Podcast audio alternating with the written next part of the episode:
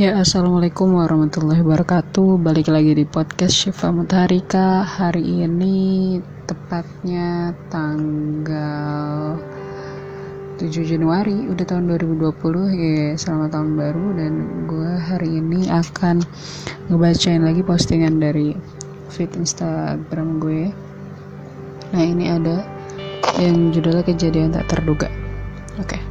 Seringkali kita dihadapkan pada kejadian yang tidak mengenakan hati, yang kehadirannya tak ditunggu.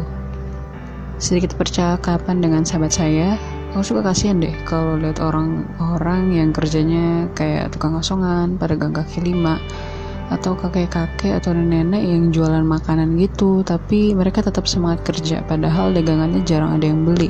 Itu dia dapat uangnya gimana ya buat menuhin kebutuhan sehari-harinya? Dan tiba-tiba gue juga langsung teringat kata-kata salah satu guru bahwa ternyata di setiap masalah di setiap masalah atau musibah yang kita hadapi justru hal itu menjadi ruang rezeki bagi orang lain. Misalnya ketika ban motor kempes di situlah rezekinya tukang tambal ban. Atau saat mesin motor sudah mulai tua dan terpaksa harus dibawa ke bengkel Lalu saat kita kehujanan, tiba-tiba di depan gerbang kantor, kampus, atau pasar muncul ojek payung. Bisa juga di depan lampu merah muncul penjual jas hujan. Saat jalanan mulai kacau balau, muncul tukang parkir cepet. Ketika kita sedang kelelahan dan merasakan kehausan, datanglah pedagang air mineral, menyegarkan tenggorokan kita yang kering. Bisa jadi saat kita lapar, tiba-tiba di jalan bertemu kakek-kakek penjual roti ada juga yang orang buta yang menjual kerupuk. Saat mencari alamat yang gak tahu nyasar, hadirlah tukang ojek atau bajai yang mengantarkan kita sampai tujuan. Saat sepatu kesayangan tiba-tiba jebol dan kebetulan tukang sol sepatu lewat depan rumah, atau saat remote TV atau AC yang rusak, hadirlah tukang remote memperbaiki barang kita yang rusak. Kejadian itu semua tanpa kita sadari menjadi pintu rezeki bagi mereka yang membutuhkan.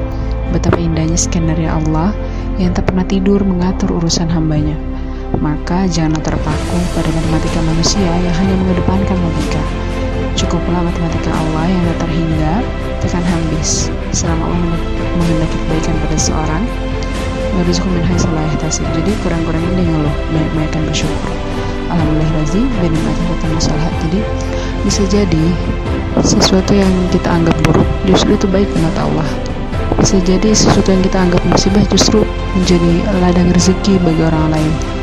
Bisa jadi dengan adanya masalah, Allah pengen lihat, pengen uji kita, apakah kita jadi hamba yang bersyukur, makin dekat kepada Allah, makin bersyukur atas segala nikmat yang diberikan, atau kita jadi hamba yang kufur, makin menjauh dari Allah, mengingkari segala yang sudah diberikan.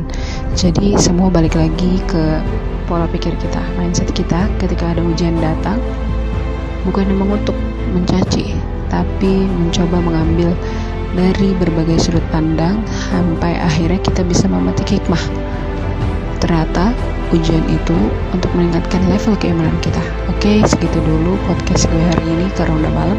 See you, sampai jumpa. Semoga bermanfaat. Kalau ada yang salah datangnya dari saya sendiri. Kalau yang benar selalu datangnya dari Allah. Wabillahi taufiq Assalamualaikum warahmatullahi wabarakatuh.